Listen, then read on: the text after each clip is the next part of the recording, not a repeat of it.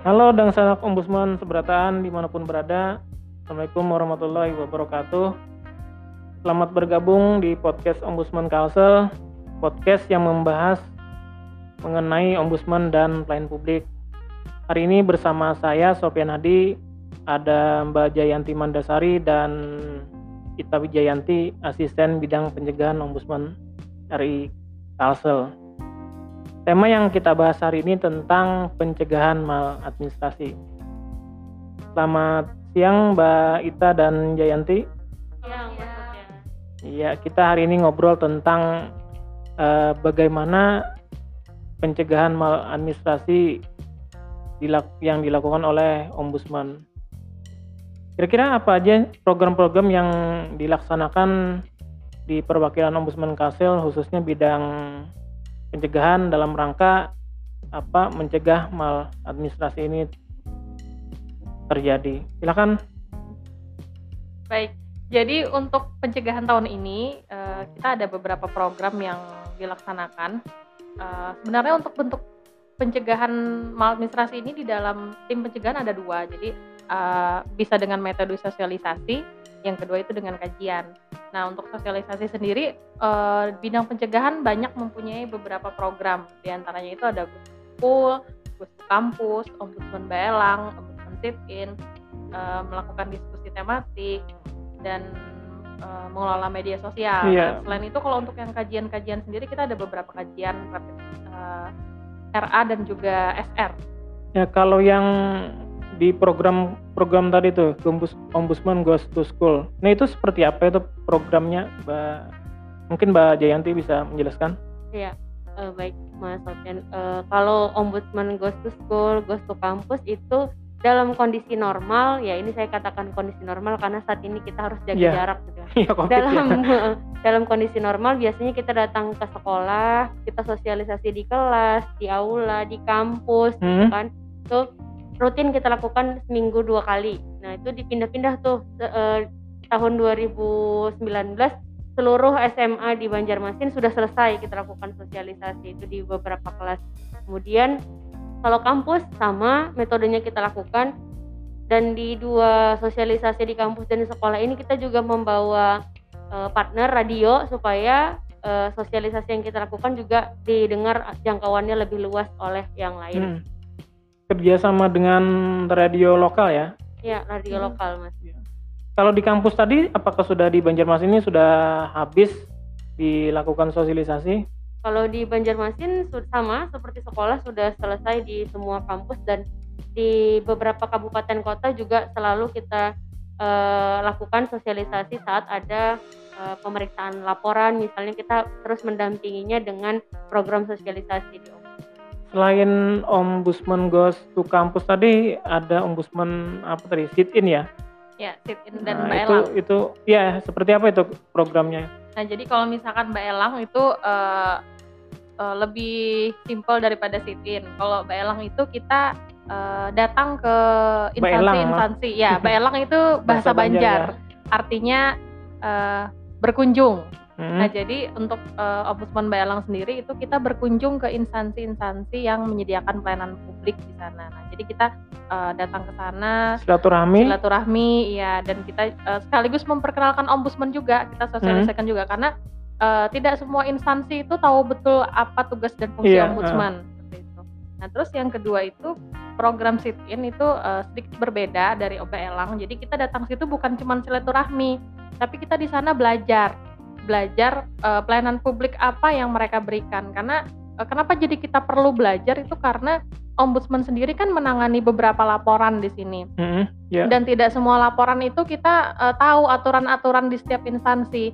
Nah, fungsinya kita eh, datang eh, ke instansi itu adalah untuk belajar supaya kita Hmm. tahu apa saja eh, aturan Pelayanan apa, publik, iya, iya. pelayanan publiknya, aturannya, SOP-nya itu Iya. seperti apa. Jadi Iya. kita eh, tahu dari program Sitkin ini. Ya karena eh, pelayanan publik itu sangat luas sekali ya. Eh, makanya ombudsman ini juga harus apa mengupgrade, mengupdate informasi tentang pelayanan publik yang yang diberikan oleh penyelenggara pelayanan publik. Selain sit in tadi ada ada apa lagi program di bidang pencegahan? Ada di kita juga melakukan beberapa kajian ini Mas Sofyan ada Kajian ya? yang Heeh, ada yang berbentuk diskusi yang kita sama kita juga mengundang instansi-instansi yang terkait dengan pelayanan publik dan ada juga dua kajian yang fundamental dan berhubungan dengan proses pemeriksaan di ombudsman. Misalnya ada namanya rapid assessment. Ini Hmm. kajian cepat yang dilakukan oleh ombudsman terhadap laporan-laporan yang berulang. Misalnya pungli di sekolah Iya. kok yang dilaporkan sekolah-sekolah itu Ah. terus nah itu ombudsman perlu membuat kajian cepat apa sebenarnya yang menjadi masalah eh, terhadap potensi maladministrasi yang terjadi di sekolah tersebut misalnya. Nah, itu kajian cepat.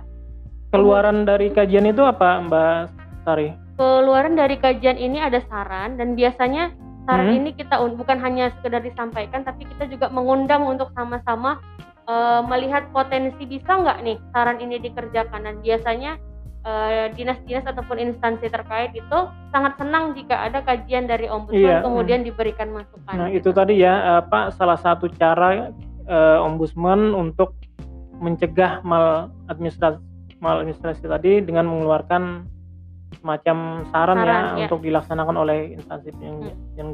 pelayanan publik. Selain itu, adakah program misalkan melalui dialog di radio atau di televisi atau melalui media sosial yang dilakukan oleh ombudsman?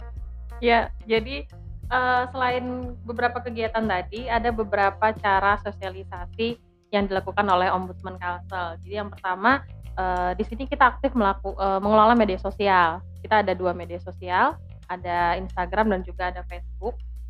Dan eh, kita juga kadang melakukan eh, dialog di radio lokal dan juga stasiun TV lokal. Iya. hmm.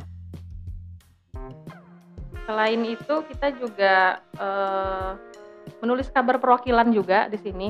Hmm. Jadi setiap eh, kegiatan atau berita-berita yang eh, ada di Ombudsman Kalsel itu biasanya akan kita upload di media eh, di kabar perwakilan kita yang ada di web Website pusat. ombudsman ya. Iya. Alamat website ombudsman apa, Mbak Ita? www.ombudsman.go.id. Nah, em, eh, masyarakat juga sering berapa membaca koran, kemudian di koran itu ada artikel-artikel yang ditulis oleh teman-teman asisten ombudsman. Nah, itu apakah bagian dari bentuk apa sosialisasi atau pencegahan juga? Ya, Mas Sofyan. Jadi hampir di se- semua orang yang ada di Ombudsman Kalsel ini dituntut dalam tanda kutip untuk bisa menulis. Itu selain mengenalkan secara kelembagaan kepada masyarakat bahwa ada Ombudsman sebagai lembaga pengawas pelayanan publik, juga untuk memberikan eh, sedikit gambaran tentang eh, apa hal-hal yang terjadi dalam proses pelayanan publik. Nah, selain itu juga selain menulis, kita juga rutin tiap tahunnya nih sudah mau buku ke-6 nih eh, ditulis oleh seluruh insan ombudsman Ya, Kalsel. Di situ eh, tertulis eh, bagaimana masalah-masalah ataupun masukan-masukan terhadap proses pelayanan publik itu Buku ya? bagian dari sosialisasi. Nulis buku. Mm, Ah. Dan biasanya kita juga kasih buku tersebut di acara-acara sebagai merchandise ataupun di perpustakaan Hmm. supaya lebih banyak orang yang tahu tentang ombudsman. Hmm. Nah, di tingkat nasional eh, mungkin ada semacam apa untuk menilai standar pelayanan publik itu. Itu apa namanya tuh survei standar pelayanan publik? itu gimana namanya tuh? eh, survei ataupun penilaian kepatuhan pelayanan publik. Nah, Mhm. jadi yang dinilai apakah instansi tersebut sudah menjalankan amanat dari Undang-Undang 25 tahun 2009 tentang pelayanan publik. Apa saja komponen standar layanannya, apakah syaratnya sudah transparan, biayanya itu dilakukan rutin oleh ombudsman setiap tahunnya Iya. Tujuannya agar apa? agar instansi tersebut melengkapi seluruh standar layanan sehingga menutup potensi maladministrasi. Oh, supaya masyarakat tahu ya, Iya. misalkan biayanya berapa, eh, waktu prosesnya berapa. Eh, Mbak Ita ada yang mau disampaikan untuk eh, sebagai close closing statement? Atau Mbak Jayanti, silakan. Eh, jadi kar- karena di ombudsman ini ada tiga bidang, ada di bidang penerimaan laporan, bidang pemeriksaan dan bidang pencegahan semuanya saling terkait. Tapi untuk di bidang pencegahan ini uh, terbilang unik karena seluruh uh, apa namanya kanal yang dimiliki ataupun yang tersedia harus dimanfaatkan oleh bidang pencegahan agar apa?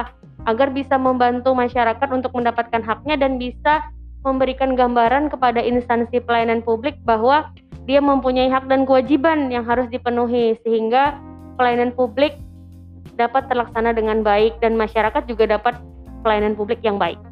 Ya, terima kasih Mbak Ita dan Mbak Jayanti Demikian podcast Ombudsman Kalsel hari ini. Semoga bisa menambah wawasan tentang sanak Ombudsman Seberataan. Jangan lupa follow akun in media sosial. Demikian podcast Ombudsman Kalsel hari ini. Semoga bisa menambah wawasan tentang sanak Ombudsman Seberataan. Jangan lupa follow akun Facebook kami Ombudsman Kalsel dan Instagram kami Ombudsman Kalsel agar tahu lebih banyak tentang ombudsman dan seputar pelayanan publik. Bertemu lagi minggu depan dengan tema eh, tentang media sosial dan pelayanan publik.